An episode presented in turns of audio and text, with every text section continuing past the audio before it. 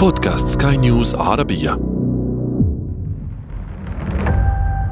في الثاني والعشرين من ديسمبر 1972 عثرت فرق الإنقاذ التشيلية على 16 شخصاً. كانوا هم كل من تبقى من بين 45 شخصاً كانوا على متن طائرة سقطت فوق سلاسل جبال الأنديز. على مدار 72 يوما اضطر الناجون لخوض أصعب التجارب البشرية وأكثرها تطرفا للبقاء على قيد الحياة. تجارب جعلت من نجاتهم معجزة أطلق عليها معجزة جبال الأنديز. أهلا بكم. أنا عمرو جميل وأنتم تستمعون إلى بودكاست بداية الحكاية.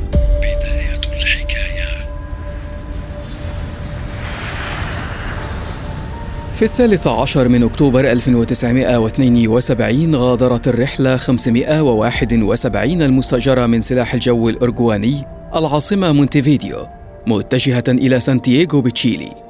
ضمت الطائرة خمسة من أفراد الطاقم وأربعين راكبا من بينهم 19 عضوا بفريق للرجبي كانوا سيخوضون مباراة ودية في العاصمة التشيلية بالإضافة إلى عدد من أقاربهم وأصدقائهم.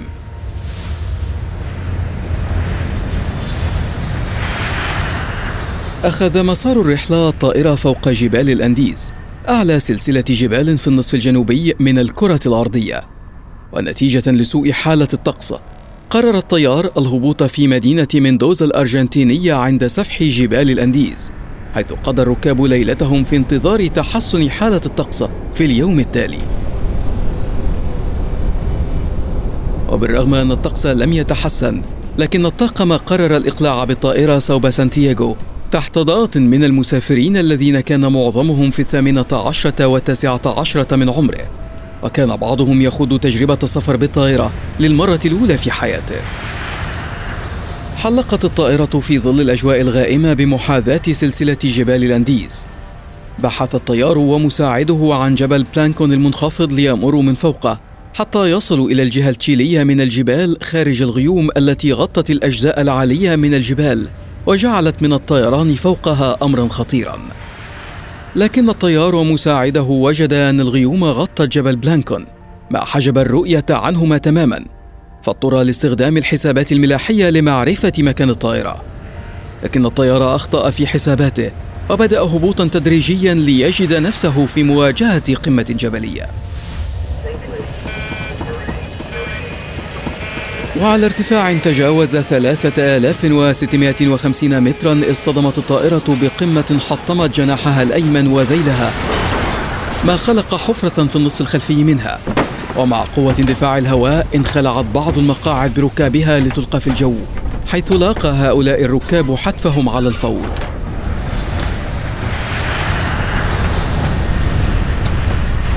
واصلت الطائرة السقوط واصطدمت بقمة أخرى فانكسر الجناح الأيسر. ثم واصلت الانزلاق على منحدر جبلي حاد إلى أن توقفت في وسط الثلوج.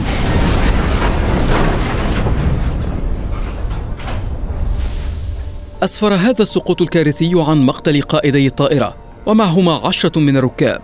وارتفع العدد في اليوم التالي ليصبح سبعة عشر قتيلا بعدما قضى آخرون متأثرين بالجروح الخطيرة التي أصيبوا بها أثناء السقوط.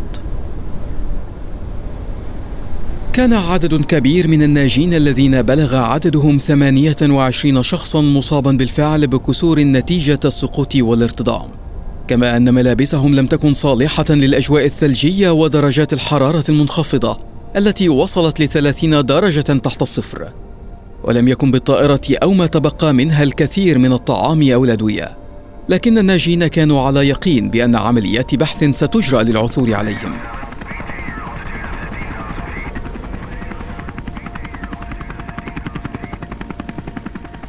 بعد اختفاء الطائرة عن شاشات الرادار أرسلت كل من الأوروغواي وتشيلي فرق بحث وإنقاذ للبحث عن الطائرة المنكوبة. لكنهم كانوا كمن يبحث عن إبرة بكوم قش. لم يكن لديهم أي فكرة عن موقع سقوط الطائرة وسط سلاسل الجبال العالية. كما أن جسم الطائرة الأبيض امتزج مع الثلوج ما جعل رؤيتها من الأعلى شبه مستحيلة.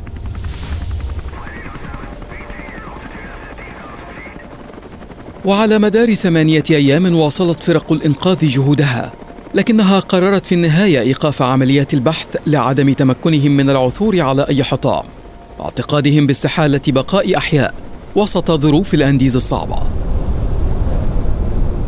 في تلك الأثناء توفي شخص آخر من الناجين متأثرا بإصابته بينما واصل الباقون جهودهم للعثور على طعام وأدوية بين حطام الطائرة. وبعد صدمة السقوط تلقوا صدمة أخرى عندما نجحوا في تشغيل مذياع عثروا عليه داخل حطام الطائرة وعرفوا منه بتوقف جهود البحث عنهم. وبرغم إصابتهم بالإحباط وإيمانهم بأنهم هالكون لا محالة قرروا التمسك بالأمل. بدأوا في إخراج جثث الموتى من جسم الطائرة لاستعمالها كمأوى للاحتماء من الطقس السيء. استخدموا نسيج المقاعد المصنوع من الصوف كبطانيات. وصنعوا نظارات شمسية من الشاشة البلاستيكية في قمرة القيادة للاحتماء من العمى الثلجي. كما استخدموا حطام الطائرة لصنع جبائر ومقومات لتثبيت المصابين. قسم الناجون كمية الطعام المحدودة الموجودة داخل حطام الطائرة والمكونة من الشوكولاتة والبسكويت وبعض زجاجات الشراب بالتساوي بينهم حيث حصل كل فرد على قطعة شوكولاتة واحدة في كل وجبة. كما استخدموا غطاء مزيل للعرق كمعيار للشرب وذاب الجليد للحصول على المياه.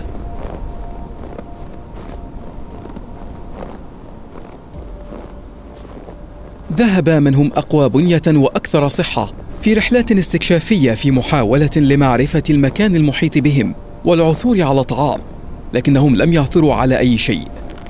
قام بعضهم برسم صليب في الثلج مكون من الأمتعة على أمل أن يتمكن أحد من رؤيته من الجو لكن عمليات البحث كانت قد توقفت بالفعل. ومع نفاذ الطعام حاولوا تناول أي شيء آخر. بحثوا عن القش داخل مقاعد الطائرة لكنهم لم يجدوا سوى مادة هلامية غير صالحة للأكل. حاولوا تناول الأقمشة وأربطة المقاعد وأشرطة الحقائب الجلدية لكن شيئا لم ينجح. كان من بين الناجين طالب في كلية الطب. كان مسؤولا عن صنع الجبائر ورعاية المصابين.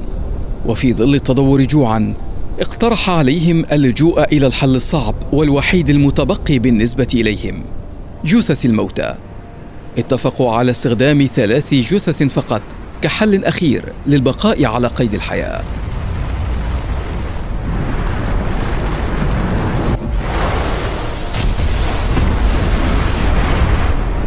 وفي التاسع والعشرين من أكتوبر اليوم السابع عشر من سقوط الطائرة وقع انهيار ثلجي أدى لدفن جسم الطائرة وقتل ثمانية أشخاص آخرين. ثم ارتفع عدد القتلى لأحد عشر شخصا بعد موت ثلاثة آخرين متأثرين بإصاباتهم. أدرك الباقون أن البقاء في انتظار النجدة بلا جدوى واتفقوا على أن يذهب أقوى ثلاثة منهم في رحلة عبر الجبال للعثور على مساعدة. في مخاطرة لم يعرفوا نتيجتها. وفي درجة حرارة تصل لعشر درجات تحت الصفر وبكمية لحم محدودة من جثث الموتى تحرك الثلاثة بالفعل بحثا عن المساعدة.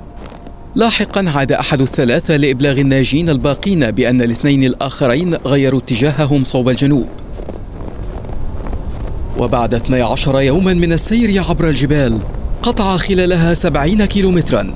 عثر الناجيان على فلاح تشيلي هرع لنجدتهما وأبلغ الشرطة بوجود آخرين بين الجبال. هرعت مروحيتان عسكريتان للبحث عن الناجين الباقين في المنطقة التي حددها الناجيان اللذين تم العثور عليهما. تم العثور على بقية الناجين يحتمون داخل حطام الطائرة المنكوبة وتم إنقاذ نصف الناجين الستة عشر في نفس يوم العثور عليهم. بينما اضطرت المروحيات إلى إنقاذ الباقين في اليوم التالي لسوء الأحوال الجوية. كان الناجون يعانون من أمراض عدة بدءا من سوء التغذية والجفاف إلى نقص فيتامين سي وداء المرتفعات. توجه قص أيضا بصحبة المروحيات العسكرية ليصحب جثث الموتى. لاحقا أعرب أقرباء المتوفين عن تفهمهم للظروف التي دفعت الناجين الباقين إلى تناول لحوم بعض الجثث للبقاء على قيد الحياة قالت الكنيسة فيما بعد إن الناجين لم يرتكبوا خطيئة بأكلهم لحوم البشر في تلك الظروف And so we were saved. Nando and Canessa breached the Andes and we were saved. في عام 1993 أنتجت هوليوود فيلما سينمائيا عن الرحلة 571 روت فيه تفاصيل ال 72 يوما التي قضاها الناجون وسط الجبال وصمدوا فيها أمام أصعب وأقسى الاختبارات في معجزة باتت تعرف بمعجزة جبال الأنديز.